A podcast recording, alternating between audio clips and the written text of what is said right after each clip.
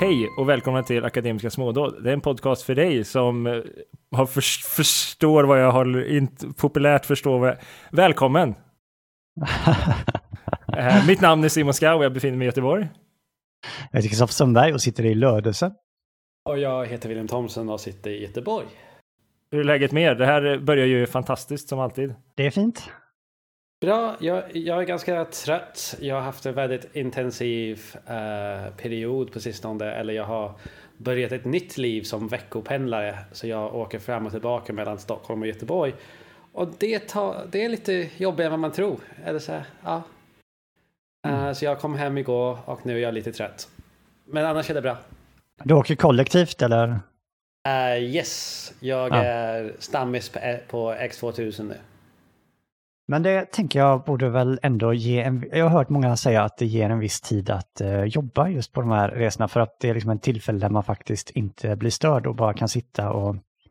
Eh, En del menar att de är som mest produktiva just på tåg. Det är faktiskt underbart. ehm, för jag nästan får, eh, det är sex timmar varje vecka så jag får nästan en hel eh, arbetsdag på tåget. Så jag får, ehm, ja, så, så, jag får lite extra jobb gjort där.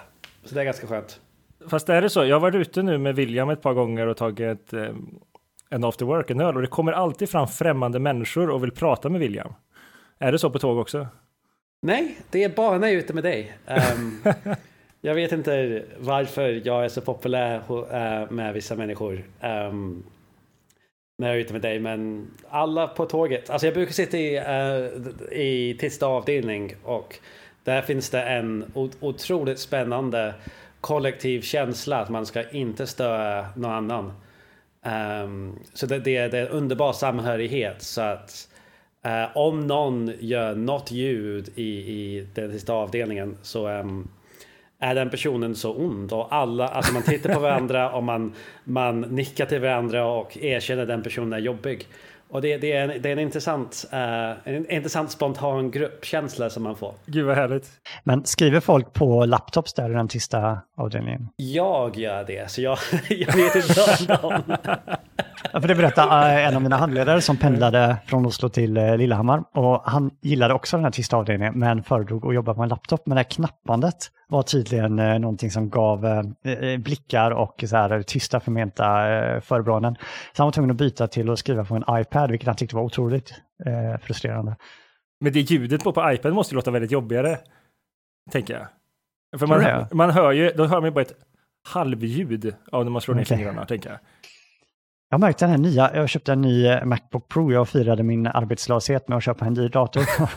Jäklar vilket, eh, vilket ljud det är i de här nya tangenterna. Det är verkligen ett riktigt tjoff när man trycker ner eh, tangenterna jämfört med gamla Macbook.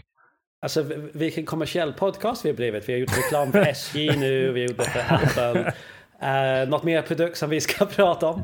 Ehm, jag har mikrofon som är gjort av Nikabi. Rekommenderar dem. Shure SM7B, en fantastiskt bra mick, används av eh, giganter som James Hetfield och Pink och eh, Chris Cornell. What? Ja, jag har kläder på mig. men varifrån? Ja, ja. Volt tror jag. Vi andra har kläder på oss också ifall. Nej. ja, men, men, det låter som vi ska gå vidare känner jag. Vi Eh, filmar ju varandra så vi ser ju bara överdelen och Ja. eh, jag har haft mycket, eftersom jag pendlar mellan Oslo och eh, Lödöse, så jag har haft mycket handlingsmöten och sånt via Skype och där är ärligt talat ibland, aldrig varit naken på nederdelen av kroppen, men det är så här, jag kanske tar på mig en finare skjorta på överdelen om det är någon så här finare grej. Och så kan jag bara sunka mjukisbyxor på mig. Det är liksom, ser ändå representativ är det ju snyggt.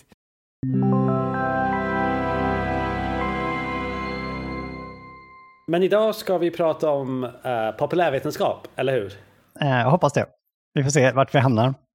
Eller snarare vart vi börjar.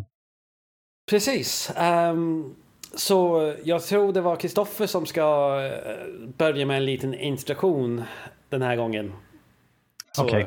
Kristoffer. Okej, vi, vi får se hur detta går. Här är ju ett problem att eh, vi ska prata om populärvetenskap. Min ingång till detta är kanske väldigt insnöad och kommer från en lite annan riktning. Men jag hoppas att det liksom leder oss till ämnet populärvetenskap och eh, kommunikation av vetenskap kanske och relationer mellan akademiska specialister och eh, eh, inom citationstecken vanligt folk. Men okej, okay, bara för att starta någonstans. Låt oss börja så här. En trend i, som jag märkte i Oslo, och, och jag tror detta är eh, märkbart i Sverige och övriga världen också, är att när man ska finansiera forskning nu och när man ska söka jobb så är det ofta praktisk samhällsnytta som lyfts fram som väldigt, väldigt viktigt. Så liksom, om du vill ha ett forskningsjobb så ska du liksom lyfta fram vad i din forskning som på något sätt ska bidra till samhällsnyttan. Och sådana här trender får ju naturligtvis en, en effekt på hur vi beskriver vår egen forskning. Och eh, jag tänker mig att det är lite jag ska inte säga orättvist, men det finns en viss eh, skillnad kanske för hur krystat den här kopplingen blir. Om, om du till exempel forskar på hur man bygger broar eller botar cancer så är det kanske ganska lätt för dig att liksom säga varför detta är någonting som samhället borde bekosta och varför detta är nyttigt för samhället. Men om du är kanske litteraturvetare eller forskare i antik grekiska eller ja, en filosof, eh, som, ja, så är det kanske inte alltid helt självklart. Och eh, kanske finns det liksom en tendens att man eh, inte ljuger, men man kanske lyfter fram vissa aspekter av sin forskning som ja, det kanske blir en aning, aning krystat ibland. Eh, jag sökte en postdoktjänst i Oslo eh, fredag förra veckan, så eh, det här är väldigt färskt i mitt eh, sinne. Men det här fick mig att dra till minnes en artikel jag läste av en filosof som heter Carrie Figdor. Jag läste den för ett par år sedan tror jag, och läste om den nyligen. Och hon berör ett snarlikt problem. Anledningen till att jag överhuvudtaget blev intresserad av Figdor är att hon har en, hon tillsammans med en annan har en fantastisk podcast som heter New Books in Philosophy som är som jag tycker är helt fantastisk, speciellt hennes avsnitt. Ja, den är värd att rekommendera, hon är riktigt grym faktiskt.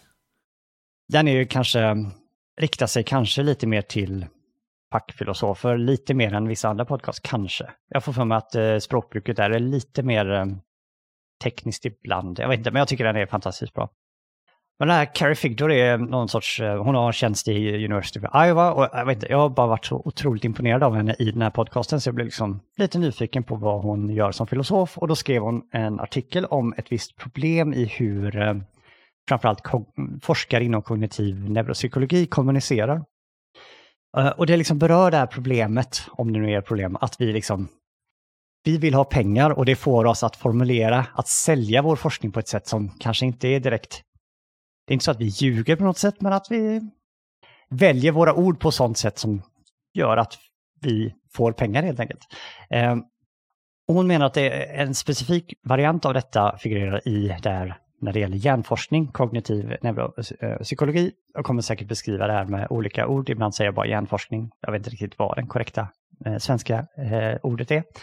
Um, Okej, okay, så vad Figdo vill lyfta fram är ett problem där eh, dessa forskare broderar ut eh, sina forskningsansökningar på ett visst sätt som gör att de liksom blir mer attraktiva för allmänheten.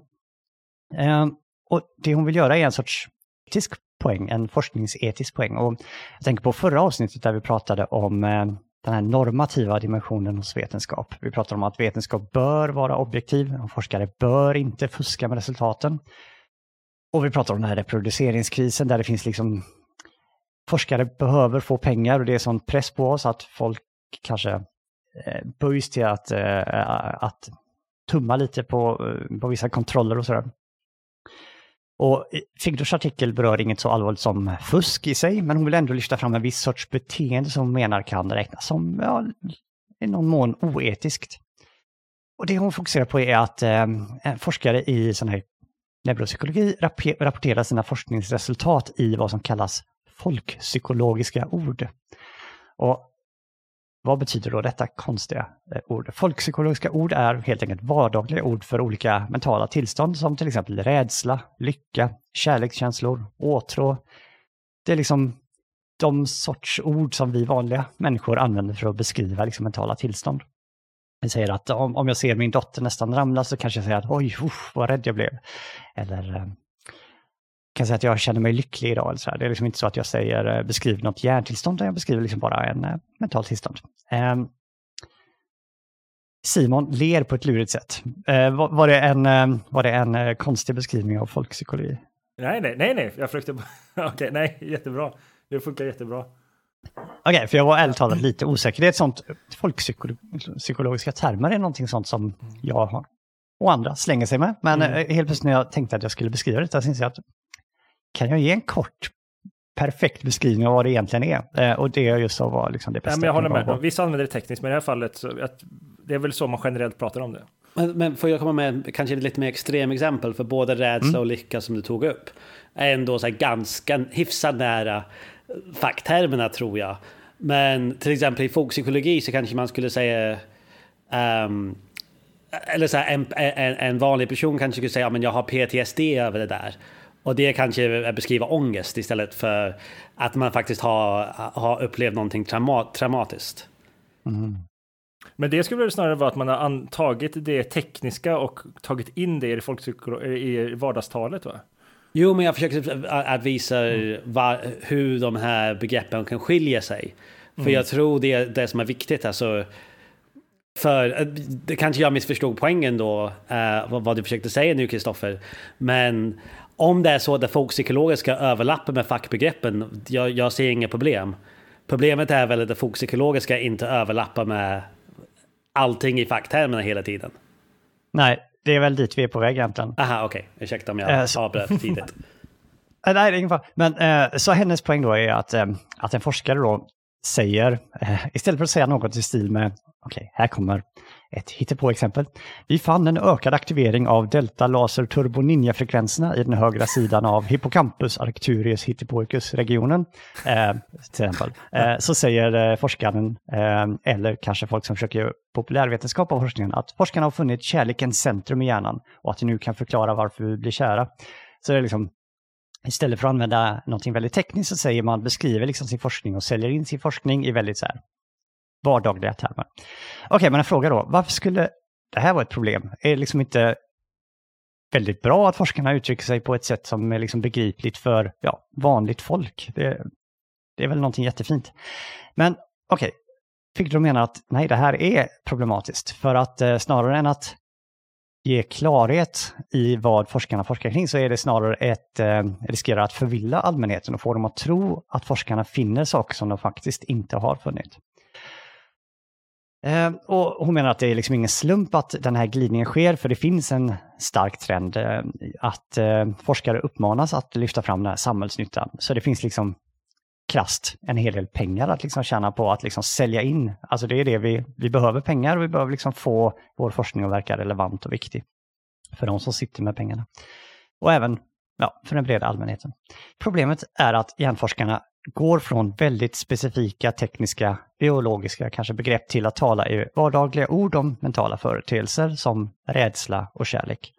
Och att de antyder att det skulle vara självklart hur de tekniska begreppen och de specifika observationer som har gjorts eh, ska förstås i liksom vardagligt tal, det vill säga i folkpsykologiska termer. Eh, och nyckeln här då är kanske ett ord som heter operationalisering. Så tanken är att vi kan inte direkt mäta mentala fenomen som rädsla, glädje, kärlek så vi måste hitta på något annat som vi faktiskt kan mäta och som vi hoppas eh, korrelerar med det vi kanske egentligen eh, är intresserade av. Eh, ett annat ord för detta då är att vi måste operationalisera de här mentala grejerna. Och här kommer en anekdot och det jobbiga är att jag vet inte om detta är en riktig anekdot, om detta är någonting jag läst i någon av mina historiekurser eller om det är någonting jag bara har trumt. Men jag, jag tycker anekdoten är instruktiv oavsett om, om den är sann eller inte.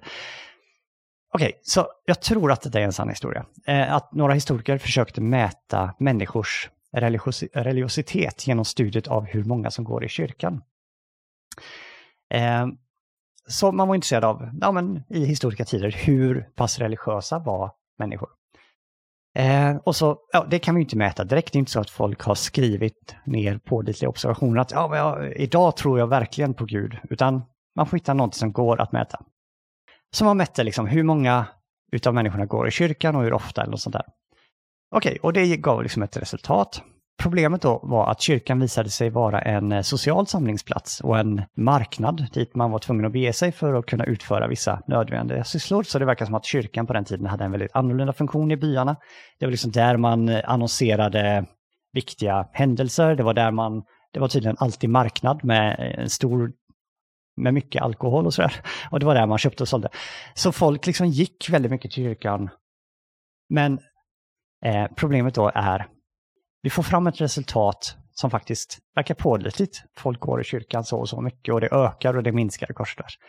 Frågan är då, mäter vi nu hur pass religiösa människor är eller mäter vi någonting annat? Och jag tror det korrekta ordet här är validitet. Att om, om detta inte är ett mått på hur religiösa människor är utan någonting annat så saknar undersökningen validitet. Alltså, vi mätte något, fick fram pålitliga resultat, men var det verkligen rätt sak vi mätte? Och en, en dold premiss då i den här första undersökningen var hur ofta en människa går i kyrkan är relaterat till hur religiös människan är. Okej, okay. slutanekdot. Men för hjärnvetenskap då så måste, om man är intresserad av så här mentala fenomen så måste man också operationalisera till någonting. Och eh, det som man operationaliserar är viss form av hjärnaktivitet och beteende. Och så misstänker man eller hoppas man och tror att detta beteende är relaterat till ett visst eh, mentalt tillstånd som glädje och rädsla. Och denna dolda eh, eller implicita premiss om att vi kan gå från det mätbara, hjärnaktivitet och beteende, till det icke direkt mätbara som folkpsykologiska mentala fenomen är liksom de som är inne i branschen vet att okej, okay, här liksom är det en viss flexibilitet i översättningen och detta är liksom ett problematiskt steg kanske, men ja, vi, vi, när vi pratar om rädsla och sånt så menar vi kanske egentligen de här mer operationaliserade sakerna.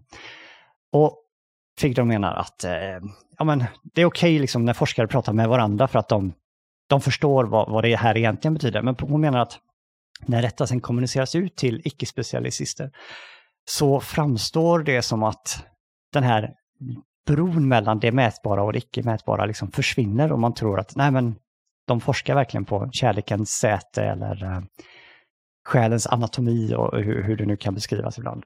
Och hon menar att här har forskare eh, ett etiskt ansvar att faktiskt göra den här bron väldigt explicit och förklara hur osäker eh, bryggan är från liksom, de här väldigt tekniska, att man mäter viss beteendedata och så vidare, och, liksom hoppet till att man pratar om att vi mäter minne, lycka, eh, vad det nu är. Och eh, hon menar att, eh, ja, att en del av eh, hypen kring eh, hjärnforskning eh, kanske faktiskt är uppbyggd kring att det låter som att man väldigt direkt kommer åt de här folkpsykologiska sakerna som många är väldigt intresserade av och att om man är helt ärlig med problemet i översättningen så kommer det kanske kortsiktigt att den vetenskapen kommer att framstå som mindre häftig och attraktiv och mindre uppenbart relevant. Och det kanske kommer att vara dåligt på kort sikt men hon tror att på längre sikt så kommer det vara bättre om vi gör den här bryggan tydligare. Så jag vet inte, jag tyckte detta bara ställde en del intressanta frågor kring hjärnforskning då, eh, specifikt, men också där allmänt etiska frågeställningen hur vi kommunicerar vår ofta ganska tekniska forskning och hur det sen når ut till allmänheten och hur vi, vi försöker sälja den för vi vill ju ha pengar. Samtidigt så, ja, hur mycket får vi lov att eh, ja, just den här processen i hur vi liksom beskriver vår forskning för att göra den så attraktiv som möjligt. Och för att, få den att verka intressant. Jag menar, vi vill ju verkligen, vi tycker ju själva att vår forskning är intressant och viktig. Eh, så det är klart att vi ska försöka beskriva den så intressant som möjligt, men, men här kanske då finns vissa problem när vi försöker nå ut till allmänheten. Eh, ja, jag bara tyckte att detta öppnade eh, intressanta frågor kring popularisering av vetenskapen och eventuella etiska problem och sådana saker. Mm. Okej, okay, tack. Um, det var väldigt mycket som du sa nu som var intressant. Um, väldigt mycket som jag personligen tycker är extremt kontroversiellt och inte nödvändigtvis uh, som, jag vill komma, som jag vill förstå lite bättre vad ni menar och uh, förstå lite bättre för jag håller inte med alltså grundargumentet som, som lades fram nu. Um, ämnet är däremot um, populärvetenskap för idag och jag är... Jag tycker den här, den här personen har uh, påpekat inte ett problem med populärvetenskap eller att forskare, alltså hjärnforskare uh, är oärliga eller oetiska i sin kommunikation. Jag tror däremot de använder dessa begrepp för att de tror de mäter de här begreppen. Så när man, så man har mått, man mäter saker um, som hjärnaktivitet. Men det är många, det är jättemånga och det är skrämmande många som tror sina uppgifter, tror sina mått är direkt korrelat för de psykologiska begrepp som de undersöker. Så, det är mm. in, så, så jag tycker problemet är mellan teorier, mått och akademiker. Inte med den populärvetenskapliga. Det finns ett helt annat problem som är att göra med hur folk, psykologin och psykologin ska prata med varandra. Men jag tycker väldigt mycket av det du tog upp nu är en stor del av problem som finns inom um, inom just uh, forskning idag över hur vi bedriver det och hur mycket teorier vi använder. Och uh, jag vill säga att det, det är många som är naivrealister på ett sätt att de tror de mäter faktiskt just det de, det de, det de ser. De tror de mm. har... Uh, så, så um, Ja, så, så, det är jag som ska ställa några frågor nu och jag ser mm. det, det här ganska svårt för jag ser det, väldigt mycket du tog upp nu har väldigt lite, enligt mig med populärvetenskap, tar en annan jätteintressant fråga. Men, um, men vi kan kanske komma åt det här då. Okej.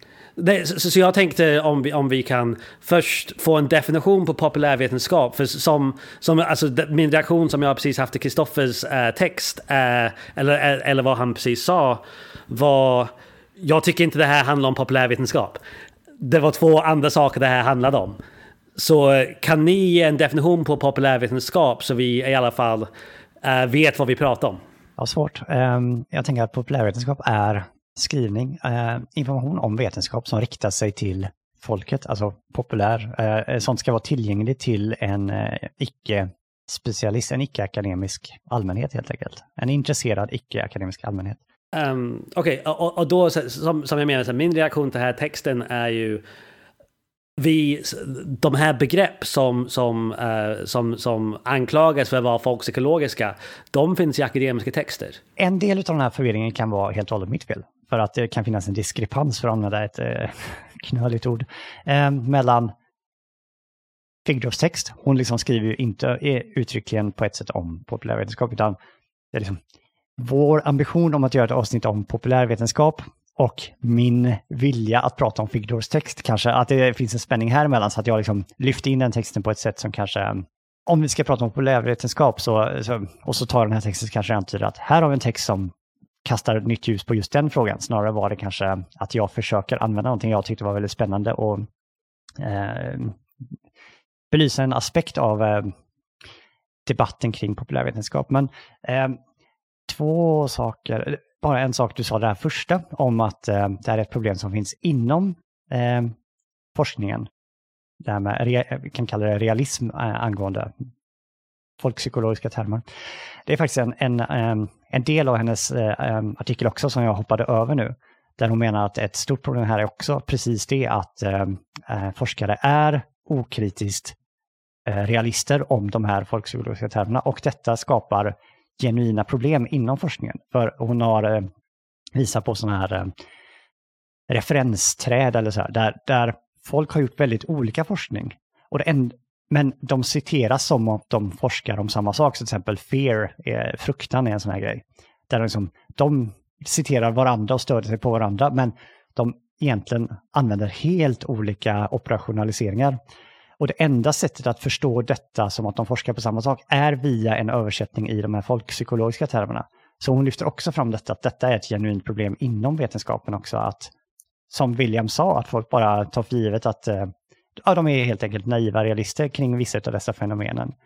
Eh, så, så, lika mycket är det ett problem inom vetenskapen. Men även om det inte är pengar involverat så liksom byggs det ändå upp en viss sorts hype, och om hypen då bygger på att man, man dagstidningen är intresserad av ett folkpsykologiskt begrepp och så ringer man upp en hjärnforskare. Eh, kanske finns det en sorts problematik där. Okej, okay, men då vill jag återgå väldigt snabbt mm. till min, uh, en fråga som Kristoffer svarade på men, men gav en bred definition. Men nu vill jag ha så här, konkreta exempel på vad är populärvetenskap? Kristoffer uh, sa dagstidningar och då är det skrivet av journalister som intervjuar forskare. Är, vi, är det här podcasten populärvetenskap? Ja, skulle jag säga. Så då, så, så då har vi en, ett spektrum då av populärvetenskap som är både eh, akademiker som pratar kanske lite tekniskt, kanske lite internt till dagstidningar som har så här, eh, som vill säga forskare säger att spindlar orsakar cancer eller något sånt. Um, på andra sidan. Så eh, eh, vad, är, vad är det som vi är kritisk mot just nu? Är det det här dagstidningsforskning eller är det forskare som oss som försöker ändå prata om uh, livet i, inom akademin? Jag skulle nog, äh. alltså, vänta, jag skulle bara vilja komma in. Här är en, en väldigt, alltså man har ju till exempel sån här uh, forum som illustrerad vetenskap till exempel. Som är, skulle jag skulle säga, är definitionen, så här, urexemplet av populärvetenskap. Men när man läser det så vet väl alla också att här så har man eh, man kan inte ta allting ordagrant. Helt enkelt. Eh, vilket är, men det är när man kanske säger sådana saker som nämns i illustrerad vetenskap i andra sammanhang när man inte vet att det är illustrerad vetenskap, det är då det potentiellt skulle kunna bli problematiskt. Är det det som, som du tänkte, Kristoffer? Jag, jag får en så här ehm, um, gestalt-switch när man uh, tror att man ser en anka och sen ser man en uh, hare. Uh, jag bara inser att jag har låtit på ett helt annat sätt. Alltså jag älskar populärvetenskap. Jag var inte meningen att vara kritisk på något sätt. Alltså jag älskar, ehm, jag har alltid älskat läsa mycket populärvetenskap och sådär. Min tanke var bara att lyfta fram vissa problem Eh, saker som vi kan liksom bör kämpa för att undvika och problem som vi kanske inte har, har varit medvetna om och som inte jag har varit medveten om och sådär. Att just spe speciellt då när det finns pengar, det finns politiska medel, när, när saker och ting blir väldigt hypat och sådär. Eh, att det kan finnas problem med... Eh, jag menar, å ena sidan så är det ju fantastiskt att eh, vår, det som vi gör som är bra faktiskt når ut till en allmänhet. Jag tycker det är helt otroligt bra och jag tror också att det är liksom viktigt. Eh, jag menar, det är lite problematiskt där med att allting ska knytas till samhällsnytta, men samtidigt så är det ju faktiskt så att vi får lön. Jag menar, vi, jag tar någons pengar och producerar filosofi. Är det liksom... Jag har ett visst etiskt ansvar där, tycker jag, att göra någonting vettigt för de pengarna. Så allt det där är helt okej. Okay. Eh, det är bara det att eh, jag vill lyfta fram vissa eh, potentiella problem och speciellt då när kanske saker och ting blir lite hypat och eh, där vi har de här starka incitamenten att faktiskt kanske bidra till hypen. För att vi gillar det vi vill göra, vi vill fortsätta forska och sådär.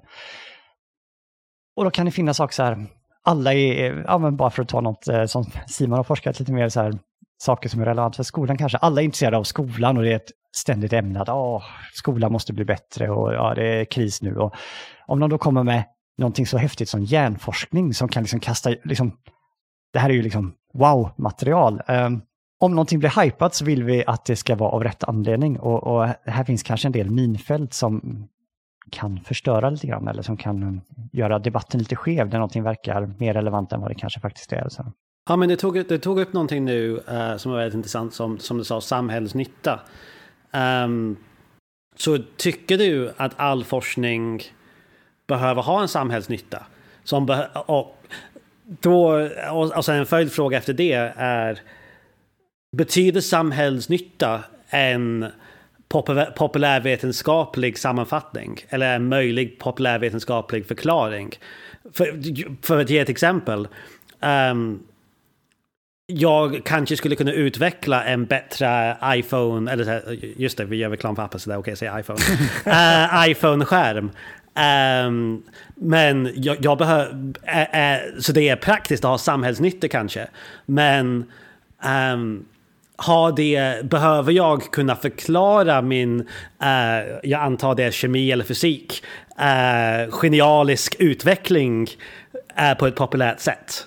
Förstår ni skillnaden här med samhällsnytta och populärvetenskap? Ja, visst. Mm. Ja, det, det, är faktiskt en bra poäng av någon anledning så blir det, jag känner mig som att jag är liksom den försvarande. så här. Men eh, okej, eh, okay. det kanske lät återigen som att jag eh, förespråkar den här samhällsnyttan. Snarare så att jag alltid har funnit mig själv på andra sidan jobbat med saker som eh, där samhällsnyttan är väldigt fjärran. Så första gången jag fick den här tankeställaren var när jag skrev, jag tror C-uppsats om historia. Och så en av de här frågorna som skulle hjälpa en att komma igång är så här, men varför är detta viktigt? Vad får vi ut av detta? Och så skulle jag forska om medeltida lagar i Sverige och Norge. Ah, det här kanske låter, det här kanske är sånt som folk tänker på i ett mycket tidigare stadium, men insikten slog mig just då snarare så här att okej, okay, Eh, liksom, varför ska vi göra detta? Behöver vi faktiskt veta någonting? För mig är det, alltså jag brinner ju av ett intresse, jag vill ju verkligen göra detta. Men jag får ändå så här lite, lite, lite dåligt samvete. Eh, för jag antar att de pengarna kunde lagts på forska om cancer eller tid. Liksom. Men så, jag kan ju verkligen, det är ju lätt att säga att allting borde ha samhällsnytta, det är trots allt de som betalar, men en väldigt stor del av mig vill liksom trycka på bromspedalen och säga att jag vill på något sätt säga att nej, mina egna, jag brinner ju för att filosofi. Jag älskar så här teoretisk fysik som verkligen är på, på gränsen. Om jag slår upp illustrerad vetenskap så är det liksom det som verkligen får mitt hjärta att klappa. Det är liksom nya rön inom astronomi, liksom verkligen som är pushar gränserna kring svarta hål och Big Bangs början. Det har ju ingen som helst samhällsnytta kan man tänka sig. Eh, och likaså litteraturvetenskap och sånt, så jag tycker det är otroligt. Alltså det finns så mycket som är så engagerar mig så mycket, som, där samhällsnyttan verkar väldigt, väldigt fjärran. Så min, hela min, min tankevärld har liksom rört sig väldigt bort från samhällsnytta. Men samtidigt så kan jag känna ett uns av dåligt samvete. Jag tänkte på den här doktorskreeringen jag var på när man blev doktor. Så beskriver de kort alla, det var typ 100 doktorander där. Som, det känns som 90 procent av dem var liksom forskare inom medicin eller ingenjörskap och liksom, ja, försökt hitta ett botemedel mot cancer och hon hade försökt hitta hur man kan få somaliska kvinnor att bli mer, att läsa mer eller öka utbildningsnivån. Och liksom bara så här, fantastiskt projekt efter fantastiskt projekt. Och så kommer Kristoffer Sundberg, han har forskat om eh, vilka egenskaper vi kan se. Eh, jag tycker det är jättespännande, men samtidigt så kan jag få eh, dåligt samvete ibland och tänka, va? Vi har, jag kan ändå känna att vi har ett visst ansvar. Eller jag, men det, det ja. kanske är det här jag försöker komma åt nu och jag ska låta Simon svara på det här nu för jag, jag, äh, jag tycker jag har ställt alldeles många riktade frågor mot Kristoffer. Um, men, eh, och nu ska jag till och med tolka din, eh, din doktoranduppsats utan att ha läst den. Men um, när jag försöker komma åt den här skillnaden mellan populärvetenskap och allmän nytta, äh, äh, allmän nytta just nu och till exempel, jag kan tänka mig vi kan ta Kristoffers eh, doktorandarbete och kanske göra en Matrix-inspirerad film om den. Så här, finns verkligheten eller eh, nästan anti-Matrix och bevisa att verkligheten finns. Um, det, det, kanske inte är så kul, men... Uh, så, Idealista av de bästa filmerna, måste jag säga. Men, men på något sätt gör en, en ta de här idéerna och inspirera oss för att göra någonting som blir jättepopulärt, som blir jätteunderhållande, som inspirerar folk. Men har det samhällsnytta? Det är ju, det är... Uh, det är vad jag försöker eh, säga. Det finns kanske en skillnad med vad som är populärt och vad som har nytta. Uh, och vad är din reaktion på, vad jag, på det här Simon? Alltså jag håller ju med. Alltså, så här, alltså, de exemplen som eh, ja, men, massa forskning om svarta hål och liknande, det har ju skapat extremt mycket, eh, genererat väldigt mycket bra sci-fi i alla fall, om inte annat, vilket har varit extremt underhållande, men det är inte samhällsnytta på samma sätt som ett, eh, en ny medicin skulle kunna vara.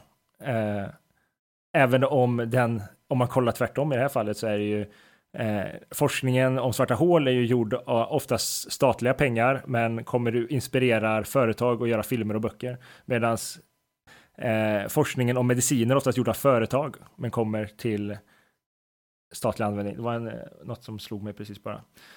Um, nej, men jag håller med. Samhällsnyttan där blir väl lite svårt vad var frågan igen? Men okej, okay. så jag sa finns det en skillnad? Men jag kanske, en bättre ja. fråga är, förvirrar vi samhällsnytta och populärvetenskap ibland? Ja, det, jag känner det väldigt tydligt nu.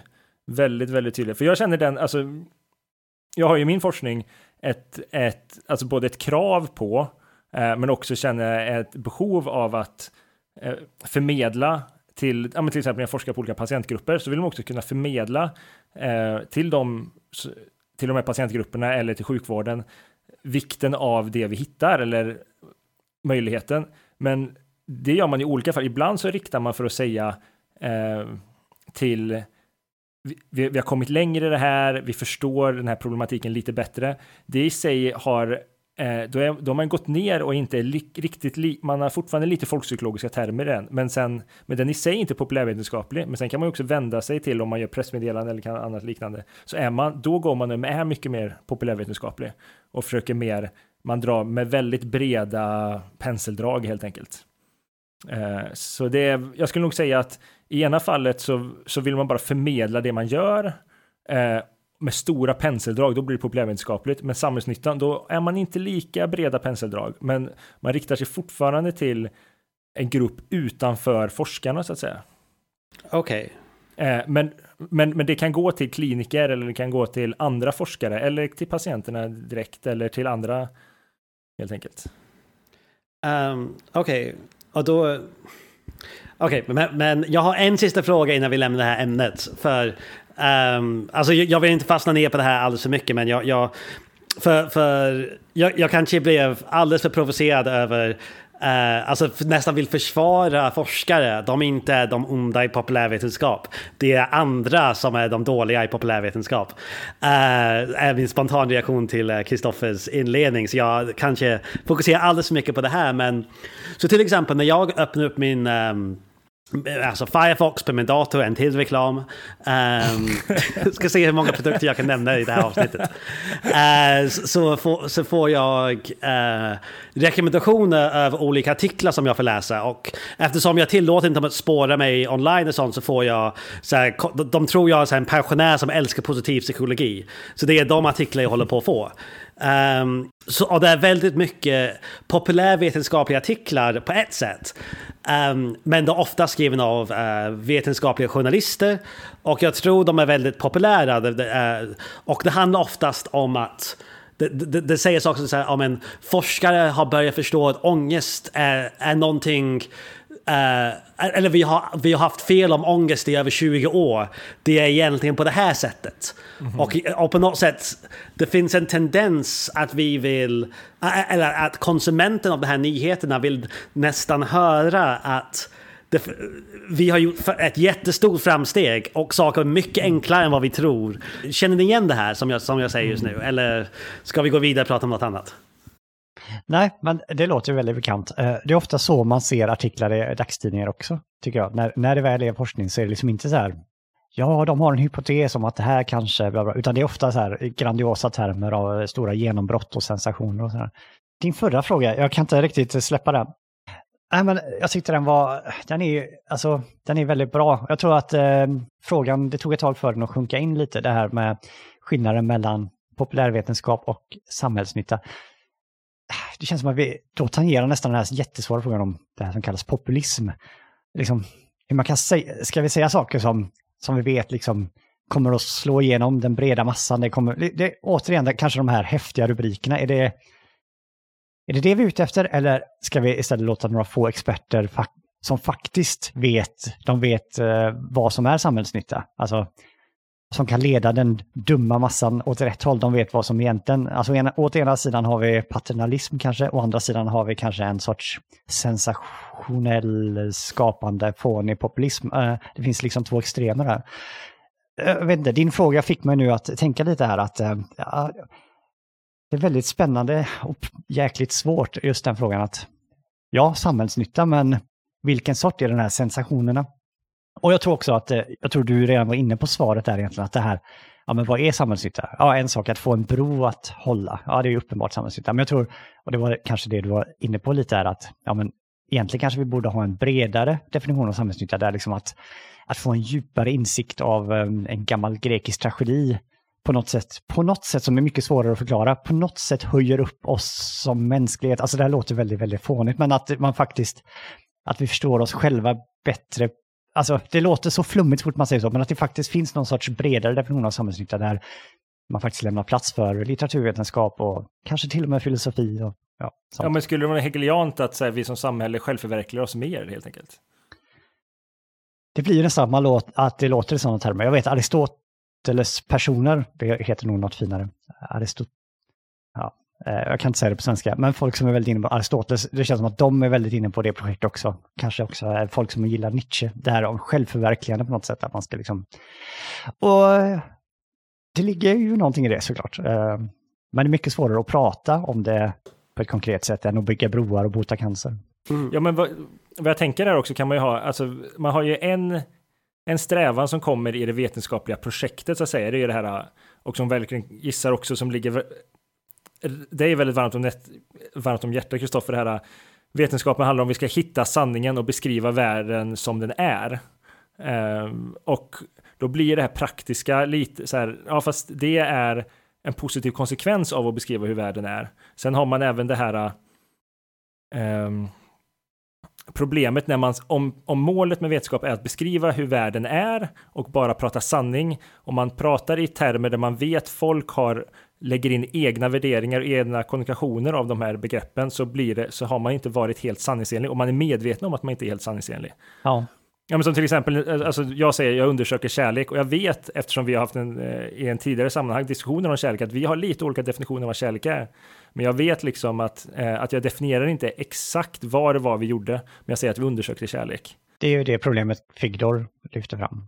Jo, och, och, jag tänkte vi skulle kunna också vända till det här uh, nu mm. faktiskt. Um, just för den, den, trots att jag kritiserade det inte bara handlar om populärvetenskap, det ändå är en väldigt viktig poäng som du tog upp.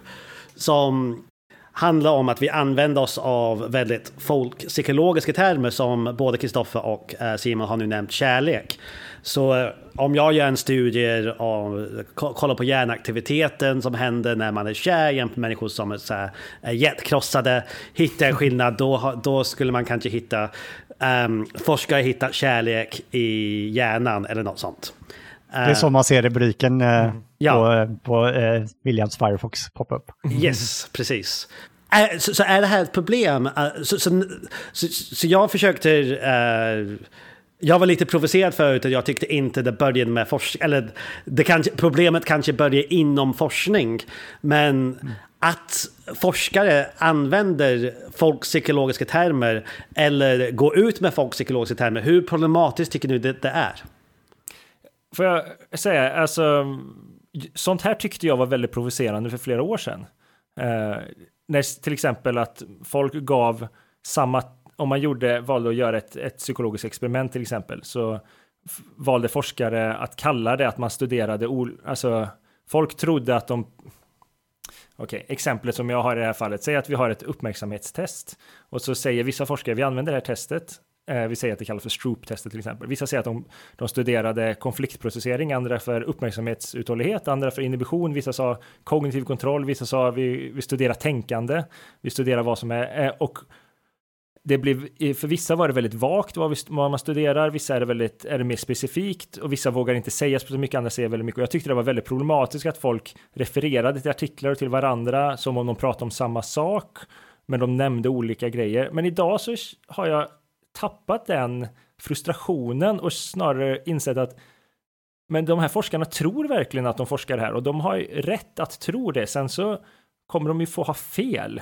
Och vi, vi kommer ju som eh, liksom få påpeka det här att nej men du vet, du citerade mm, de här personerna, ni pratar faktiskt inte om samma sak. Och det är liksom ett sätt hur liksom vetenskapen lär sig. Så, så menar du, och det, det var också någonting du var inne på lite förut, att det är användbart för oss att använda oss av vaga termer. Ja, ibland är det det. Sen är det ju det, alltså ett, ett mål för vetenskapen är ju att, att försöka eh, ta något som är vagt, som vi har en lös förståelse om, ofta som, som vi förstår i typ av metaforer och liknande, och försöka eh, dissekera det och öppna upp det och förstå relationerna i det här.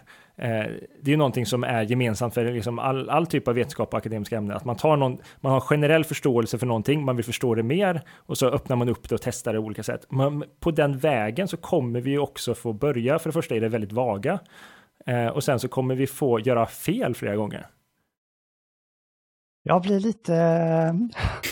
Eh, min tur att bli provocerad. Du säger att de har rätt att tro dessa saker. Ja. Vad menar du med ordet rätt? Här finns två möjliga betydelser. Att de har en rätt att få säga vad de vill och tryckfrihet. Okej, okay, det kan de få. Men säger att de har rätt. Men alltså nej, om Simon Skau och Göteborg har sett att de faktiskt talar förbi varandra. Bevisen finns där. Det är inte så att Simon sitter inne på en skattkammare med, käll med information som inte de har. Nej, då har de inte rätt. Alltså de har ju gjort ett visst forskningsfel. Det kanske är Simon som inte har gjort rätt genom att säga att de har gjort fel. Nej men du, okej. Okay. Alltså det, det, är samma sak när man kommer in på vetenskap igen här. Eh, eller när vi har pratat om det i tidigare sammanhang. Det är en sak att säga att man gör dålig vetenskap och en säga sak något inte är vetenskapligt. Att säga att de gör fel när de har fel är inte samma sak. Om de medvetet fuskar eller alltså om vi tar en, eh, en, ehm, en hjärnforskare som heter ehm, Sigrid till exempel. Eh, jag tog det måfå, ingen aning om någon heter. Det finns säkert jättemånga hjärnforskare som heter Sigrid. Vi säger Sigrid i alla fall. Vi har Sigrid här. Hon ska forska om kärlek, men hon har så extremt många saker hon måste kunna. Hon måste veta hur kändis magnetkamera fungerar, hon måste veta hur Ehm, hur, hur studierna fungerar, hon måste läsa på jättemycket om massa olika saker och sen så ska hon också förstå, så i en del av den här studien ska hon också studera vad kärlek är. Ehm, och hon har då specialiserat sig på, okej, okay, kortfattat, ehm, hon går i god tro att det hon studerar är just kärlek. Och hon har tänkt på det här en kort stund och sen upplevt, ja men det här verkar vara kärlek vi studerar. Eh, sen att om man skulle pressa henne och tvinga henne läsa på den specifika debatten och så skulle hon kanske inte säga att det är just kärlek, men hon har, ja, hon har fortfarande rätt att med, eh, hon har rätt här att få säga att hon studerar kärlek eftersom eh, hon för, för, hon, har, hon har, eh, för, för att hon får ha fel. Okej, okay, men rätt. Um, om någonting inte är reproducerbart, har ja. de rätt att eh, använda de resultaten då? Då skulle vi säga nej. Gud, ja. Vi har liksom infört denna... Eh, det är klart man får. Det här, det här är en absolut en annan fråga, så jag ska ställa nästa fråga i det här fallet. Jag tror den här konflikten är, är på väg att spåra ut någon annanstans, som vi får jättegärna prata om en annan gång. Men uh, för att återgå till just det här om... Så, så, Okej, okay, vi har en forskare som har hittat något resultat den forskaren kallar det för kärlek, att de har hittat kärlek i hjärnan. Egentligen så är det en annan, mer subtil process som, jag har ingen aning, uppmärksamhet eller något åt det hållet. Och men sen gå ut i, i medien eller ett universitet skriver eh, en sammanfattning om, om, om forskningen och det publiceras i, i eh, dagstidningar eh, som säger så här, forskare hittar kärlek i hjärnan, det är en liten, så här, liten del någonstans i hjärnan, so what. Um, men folk tycker det här är jätte, jättespännande för så här, oh, men det kanske för att jag inte känner kärlek, det kanske för att det finns något fel på den platsen i min hjärna, så folk börjar tänka på något sånt. Men problemet är så även om Simon tillåter att forskare har vaga definitioner på kärlek eller uh, får ha fel angående sina definitioner, de flesta har en, en väldigt tydlig bild av vad de tycker kärlek är. Alltså när man kommer ut i, alltså folk som är icke-specialister. Alltså folk ute på, alltså vanliga människor, om man, om man får säga så, för jag tror Kristoffer använde den termen i början på, på på podcasten. Um, så, så de har, så, så, människor som läser populärvetenskap um, de har sin definition av kärlek. Blir det problematiskt då? Så, så, så Simon verkar säga att det inte är problematiskt så länge det stannar inom forskarcommunityn. Blir det problematiskt när det går utåt och börjar spridas som sanning? Jag tycker att det är precis Figdors poäng, att det, att det blir det. Och eh, efter att ha läst den här artikeln så blev jag nog ändå lite, eftersom jag ändå kom ihåg den så här långt senare och tog upp den idag, så jag, jag fick mig en tankeställare av det. Eh, kanske för att jag som inte är genforskare har kanske läst, eh, klickat på för många av de här länkarna som, eh, som till exempel de William får upp på sin dator och liksom bara wow, det här är häftigt. De har hittat någonting eh, jättespännande om kärlek nu. Och liksom, kanske är det jag som har varit fånigt naiv, men när man läst till exempel de här konkreta exemplen som hon har med i sin studie där, där liksom det går från att studera väldigt, väldigt tekniska saker om hudens elektrisk förmåga att leda elektricitet till till påstående om upplevde, upplevelsen av rädsla och så här. Alltså, man ser att efter tre, efter att ha citerats tre gånger så är plötsligt så hur det här studien beskrivs är liksom radikalt annorlunda från den väldigt tekniska grejen där det var i den första artikeln. Um, Men det är, en annan, det, är en, det är ett annat problem skulle jag säga. Att folk inte kanske läser artiklar tillräckligt bra. Eller läser studier. Även om frågan var så här, är det ett problem att um, definitionen börjar på ett ställe och slutar i ett väldigt så här, folkpsykologiskt term, eh, ord när det kommer ut till allmänheten. Är detta ett problem eller inte? Och jag, jag skulle väl säga att eh, här finns en viss problematik. Nej, men okej, okay, men alltså min generella inställning är väl att man, man, vi kan inte förvänta oss att varje resultat ska vara det end all be all. För då kommer vi inte, komma, kommer vi inte våga säga någonting. Och vi behöver försöka säga någonting. Vi försöker säga vad, det bästa vi kan just nu.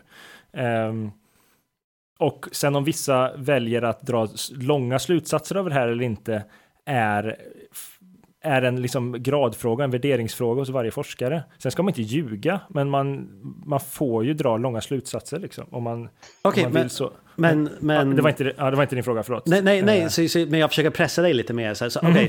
så vi, vi, vi drar det absurda exempel som så här, forskare hittar kärlek finns i näsan. Så det är inte ja. hjärnan, det sitter i näsan. Mm. Förut trodde mm. vi det satt någon annanstans, så nu vet vi det i näsan. Um, och det kanske är så personen har, forskarna har egentligen uh, insett att det finns någonting med luktsinnet som förändras när man är kär. Att man kanske har starka luktsinne. Vi säger att de har hittat något sånt, men det är näsan visar man är kär är det som står, står på Dagens Nyheter eller något sånt mm. uh, nästa dag. Och då kan folk kanske gå runt och tänka sig oj men det, det sitter i näsan, uh, ja men jag har en väldigt liten näsa, det kanske är därför jag inte kan bli kär. Eller något sånt. ja, så, så, ja. så, så, finns det... Um, det är inget problem skulle jag säga. Du tycker inte det här är ett problem? Okej, okay, Det är varför? inte ett problem. Att, nej men det är, alltså det är, att folk väljer att tolka någonting och förvrida i sitt eget huvud är inte, alltså man kan inte lägga det på forskarna bara. Ungefär som Eh, alltså så här, det kommer ju ske oavsett vad man säger så kommer någon frid. Alltså det här är någonting som jag stötte på flera gånger. Till exempel, jag har varit ute och, och, och talat på olika ställen.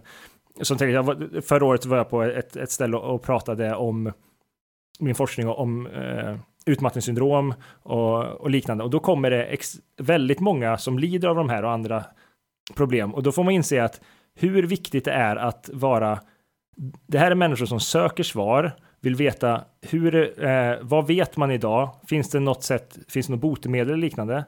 Eh, och här handlar det såklart om att inte ge falska förhoppningar och vara väldigt tydlig med att det här är det vetenskapen har sagt idag.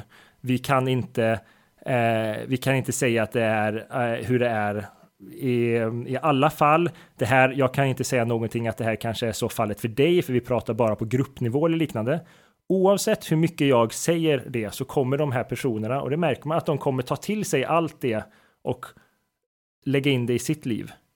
Eh, och eh, vilket de har också självklart, det är därför de är där och det är därför jag också säger någonting överhuvudtaget. För om jag, om jag inte vill att de ska misstolka på någonting, då skulle jag inte prata. Då skulle jag inte vara ute och berätta om vad vi har sett i, i vår forskning jag måste ju tillåta de här människorna att, eller alla människor att få göra sin egen tolkning. Gud, så här, oh, jag hör mig själv, vad är det här?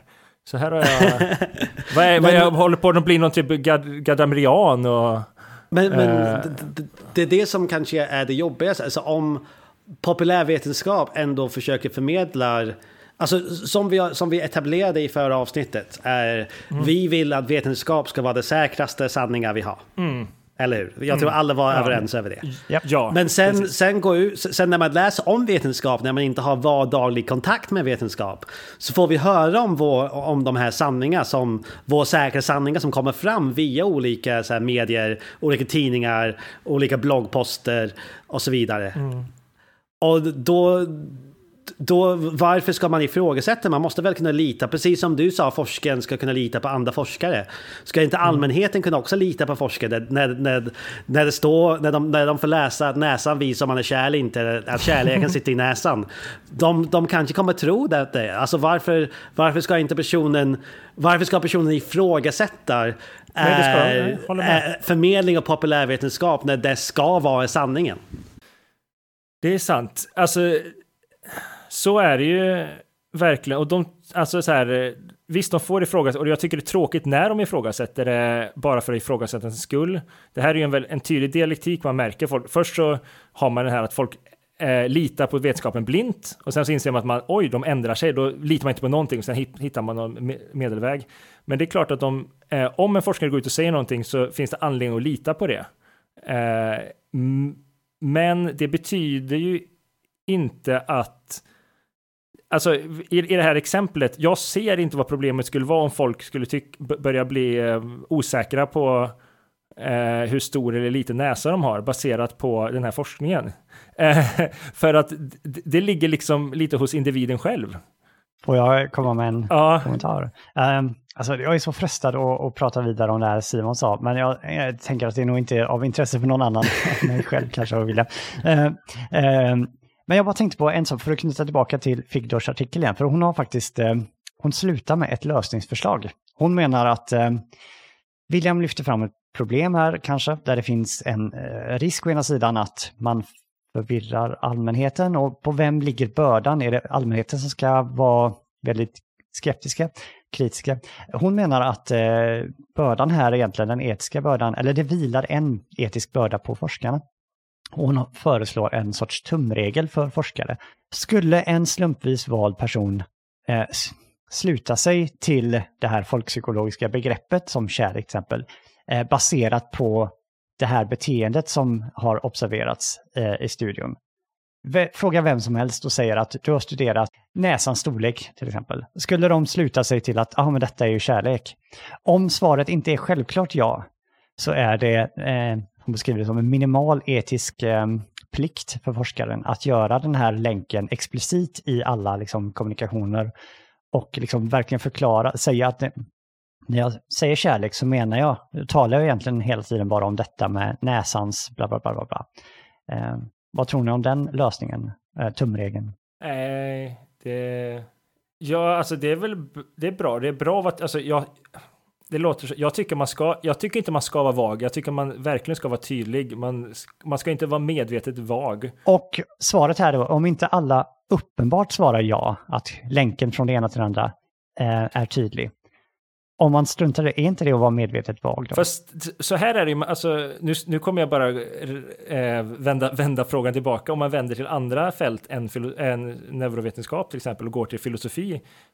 Man har ju brottats i 2000 år om vad ordet fri betyder, eller fri vilja, eller vilja, eller vad alla ord. Och man kommer aldrig få alla inom fältet att komma överens om vad en sak betyder.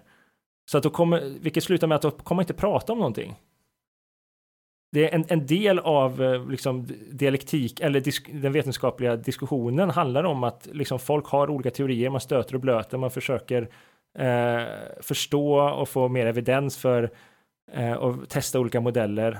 Fan, jag bara hittar på massa svåra ord. Någon borde prata istället för mig. Men, men för, ja, för, för, att svara lite på Kristoffers eh, äh, fråga.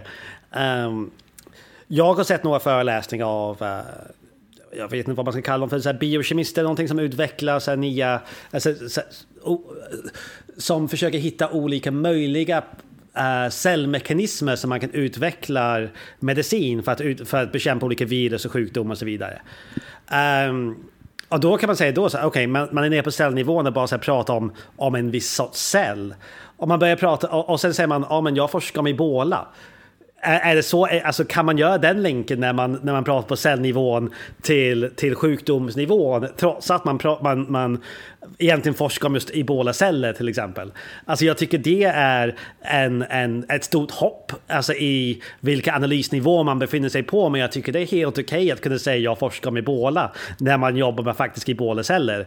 Däremot så kan man, det finns folk som går ett par analyssteg längre som kanske jobbar med viss proteinkedja inom en, människors kroppscell som eh, de försöker tänka om, om vi kan få en drog att få den igång då kommer kroppen eller immunförsvaret börja kämpa emot ebola. Eh, jag har ingen aning, jag kan inte sånt här. Um, men i sådana där fall så brukar folk kanske ge en väldigt snabb instruktion över eh, när man lyssnar på de här människorna pratar och kanske inte i populärvetenskapliga sammanhang. Men de pratar och um, ändå så här, ger en tydlig bild på kanske så här, två minuter. Så här, så här är tanken, så här är kedjan vi ska göra.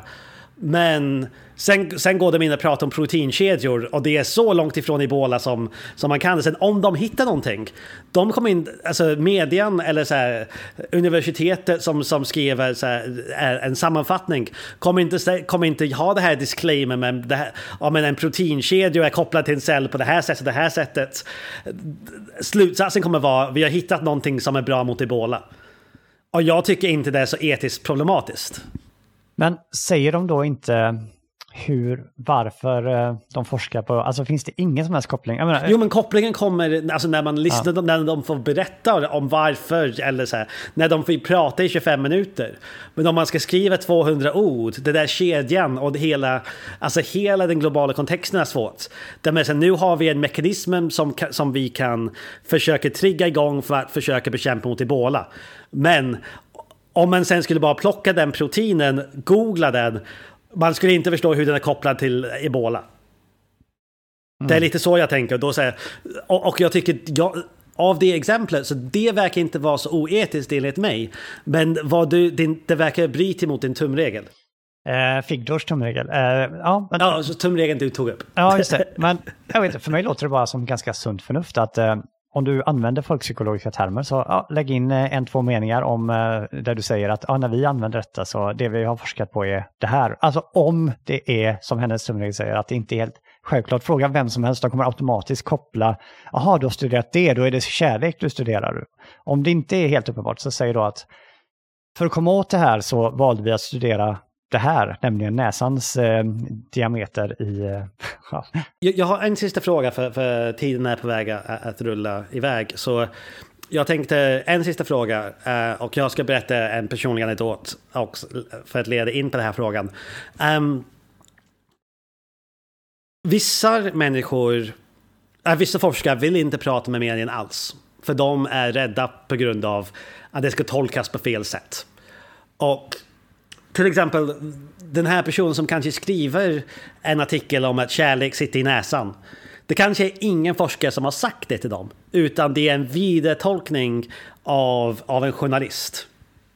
Och jag har, interv- jag har blivit intervjuad i, uh, i alltså, uh, skryter lite grann, i, i Sveriges Radio och BBC Radio uh, angående ett projekt. Och Uh, då var jag jättenervös för att säga någonting som, de, som, de, som de skulle kunna sen lägga in i ett segment där jag citeras ur kontext. Så till exempel, jag kan säga, ja men visst det finns, man kan se kärlek i näsan. Om jag säger något sånt. Och sen klipper de det och sen har massa andra saker runt om hur näsan är där kärleken sitter eller något, något sånt åt det hållet. Och är problemet för att vi har olika industrier i det här fallet. Att vi har forskare på det ena, på, på, som, som, och vi har journalister. Och vi har... Och det finns lite avstånd mellan dem. Det är inte så att vi pratar, alltså forskare pratar om, alltså, jag antar det inte så i filosofi i alla fall, men i alla fall i mitt fält, vi eh, pratar inte med journalister varje dag. Men har ni något svar till min grej? Eller så håller ni med? Det, det kanske är ett problem som sitter där? Eller... Jag är livrädd när vi har skrivit... Eller, ja, ja, för, för, för, för att säga frågan, är det... För sista frågan då. Vems fel är det? Är det, så är det folkets fel, journalisternas fel, forskares fel, allas fel? Säg vems fel är det? Vem, vem ska göra bättre? Det är ju systemets fel.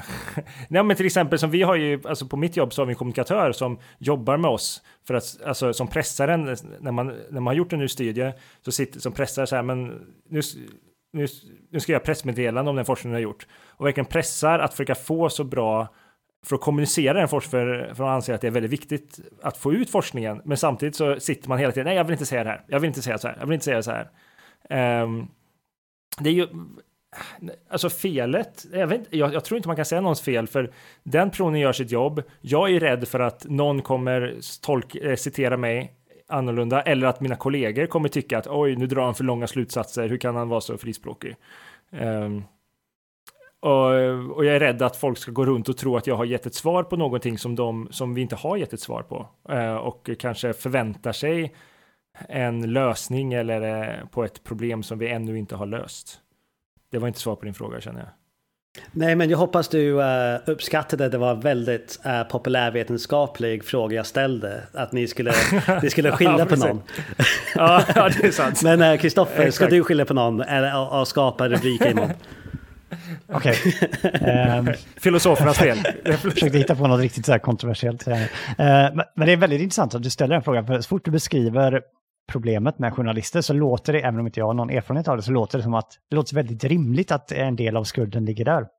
Men det är en finurlig kul grej, nu skrattar jag i och för sig på Figdors bekostnad, men hon slutar sin artikel med att säga att ja, men vi kanske borde ta inspiration av eh, journalistkåren, där det finns liksom så pressetiska regler för hur man eh, gör och vad man får lov att göra och så här. Och att kanske borde vi ha något sånt också för forskare. Det är bara kul att du nu lyfter fram att problemet kanske också finns där, men Simon sa att det är allas fel eller systemets fel och kanske är det faktiskt egentligen kanske och en stor del av svaret är att menar, systemet är utformat på ett visst sätt för att vi ska få pengar och journalister är beroende av att få klick och läsare och allt sånt där. Och, och vissa rubriker skapar klick och andra gör det inte. Så det liksom finns i systemet en tendens att man vill, att det är ingen slump att journalisterna är hungriga efter de här revolutionerande, alla har haft fel och nu kommer William och Simon och skriver en artikel och nu vet vi, alltså de vill ha en sån för det ser bra ut. Så kanske är det liksom inbyggt i systemet. Och kanske är det också så att, eh, att systemet ändå är ganska bra. Det kanske är det minst dåliga systemet vi har, men eh, jag vet inte. Som någon som kanske ibland har gått på nitar när det gäller de här hjärnforskarnas eh, bruk av på folkpsykologiska termer så var Figdors artikel något av en... Att säga att det var en... Eh, upp, att jag vaknade upp, det är liksom för starkt, men att det var ändå någonting så här att okej, okay, jag har kanske varit lite väl naiv ibland när jag läser vissa av de här eh, häftiga artiklarna. Eh, och detta kanske också gäller annan populärvetenskap som jag också tyckt låtit väldigt häftig utan att jag liksom har sett komplikationerna bakom. Så, så de har inte hittat liv i universum än, som det står var tredje månad? Det ryktas om att det finns liv på jorden, men ja, eh, det är ingen som vet. universum, hur dum är jag inte? Ja, men jag, jag skyller på kapitalismen helt enkelt. Det, det är det enklaste. Det, det, är finansieringsmodeller och journalister som vill sälja annonser för att klicka ja, på här, deras hemsida och sånt.